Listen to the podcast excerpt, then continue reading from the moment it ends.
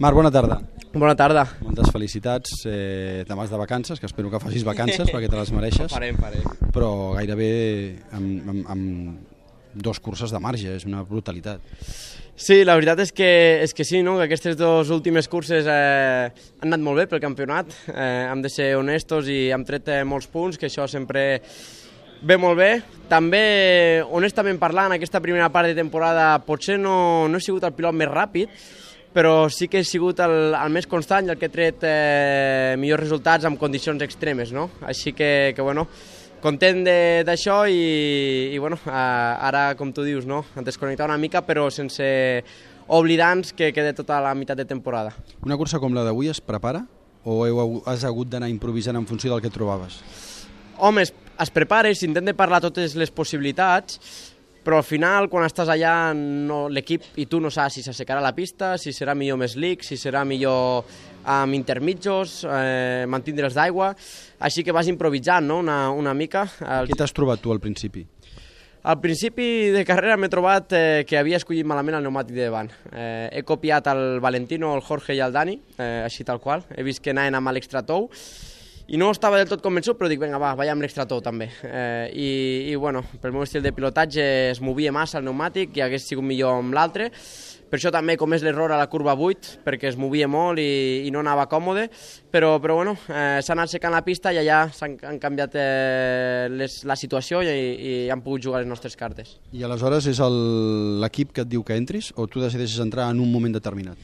No, en, que, en aquestes condicions l'equip et pot informar de com estan rodant els altres, si algú prèviament ha canviat a Slick, però ningú havia canviat encara a Slick, no? Així que només el Llanone, però feia només mitja volta i encara no, ni jo ho sabia, m'ho han dit després.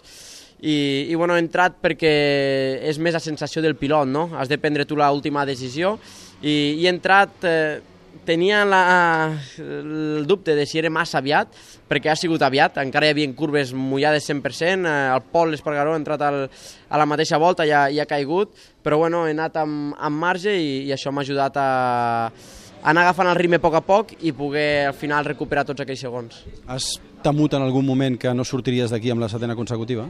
Home, la primera part de carrera estava convençut que no guanyava, no? Que, que acabaria 5è, 6è, 7è, depèn, no?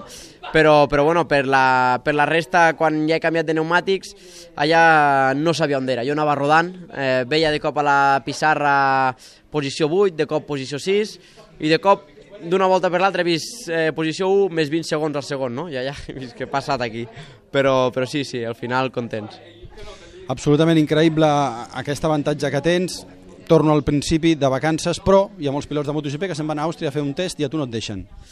Bueno, no em deixen. Eh, no, no puc anar amb la MotoGP, no? Eh, perquè vam gastar els dies al novembre amb un test a Jerez perquè era important per Honda. Està clar que per mi hagués sigut més important anar, anar a Àustria perquè pel pilot va, va molt millor, però, però bueno, eh, vam donar prioritat a, a la part tècnica i, i bueno, no, no hem pogut anar amb la MotoGP, però vam anar fa, fa tres setmanes amb una moto de carrer, eh, que és completament diferent, però L'únic positiu és que el Kraslow i els dos pilots d'Estrella Galícia que van a Monda i aniran i almenys tindrem una posta a punt i uns paràmetres d'electrònica de, de base que han de ser en teoria bons. Última pregunta. Temps que amb la moto que tens, que està per sota de les Yamaha, hagis de jugar la segona part de la temporada a defensar-te més que a atacar?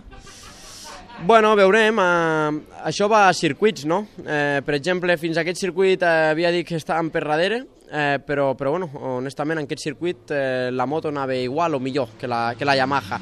Però bueno, aquest circuit és molt peculiar, no? Eh, ojalà fossin tots els circuits així eh, i ho veuria molt millor aquesta segona part de temporada, però, però no serà així. Arribaran circuits que hi ha moltes acceleracions, allà és on perdem més, és on eh, la Yamaha és, és superior i bueno, ens haurem d'anar adaptant no? a, a veure on podem treure, treure bones conclusions i bons resultats. Gràcies. Gràcies.